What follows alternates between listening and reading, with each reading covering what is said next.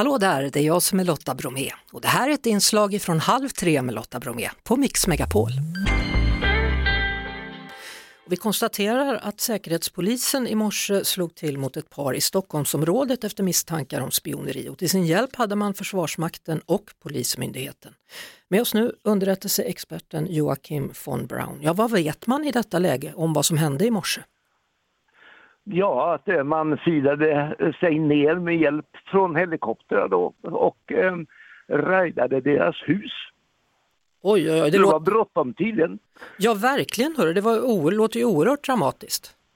Ja, men jag har nog avslöjat hemligheten bakom det hela. Det kallas mycket snö. Man okay. kunde inte ta sig fram med bil dit de bodde har jag en viss känsla av. Så då fick man använda sig av en helikopter ner alltså? Precis. Mm. Nu har vi då en misstänkt för grov olovlig underrättelseverksamhet. Vad betyder det?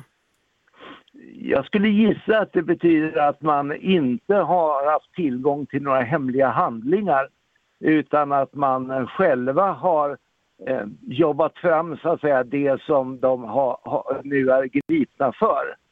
Och det kan ju både röra uppgifter som man till exempel varit ute och fotograferat i Guds vackra natur.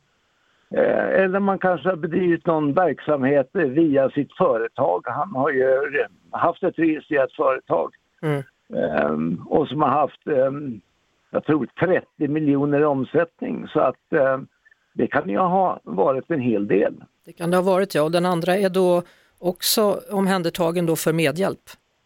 Ja, precis. Uh, gissningsvis hans fru, men jag är inte helt säker på det.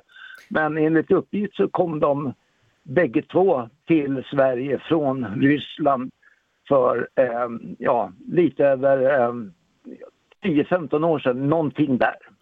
Du, det är inte så länge sedan vi talade om två andra spioner. Vad är det som händer just nu i Sverige? Ja, jag tror att det, det, det är inte så mycket som händer som är mitt egentligen utan att eh, just det här fallet har kommit dimpande ner precis nu kan ha berott på att de kanske höll på att skrämmas iväg från Sverige eh, på grund av den första rättegången och att man därför var tvungen att gripa dem eh, innan de hann försvinna eller förstöra viktig bevisning. Mm. Vilken typ av underrättelseverksamhet är det de kan ha bedrivit, som du ser det?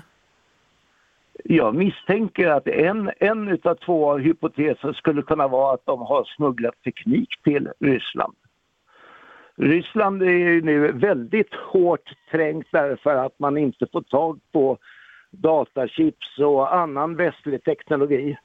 Och i dagens läge så kan de eh, i princip inte tillverka nya stridsvagnar, helikoptrar, stridsflygplan, drönare, mm. missiler och inte heller reparera mycket av den materiel som, som eh, skadas. Så Det kan handla om sådana saker också. Då. Tack så mycket Joakim von Braun, underrättelseexpert. Vi lär väl höras mer framöver kan jag tänka. Det är väl inte omöjligt det. Hej hej! Vi hörs såklart på Mix Megapol varje eftermiddag vid halv tre. Ett poddtips från Podplay.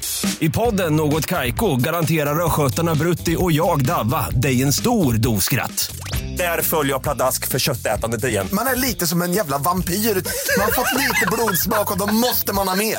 Udda spaningar, fängslande anekdoter och en och annan arg rant. Jag måste ha mitt kaffe på morgonen för annars är jag ingen trevlig människa. Då är du ingen trevlig människa, punkt. Något kajko, hör du på podplay. Därför är gardinerna.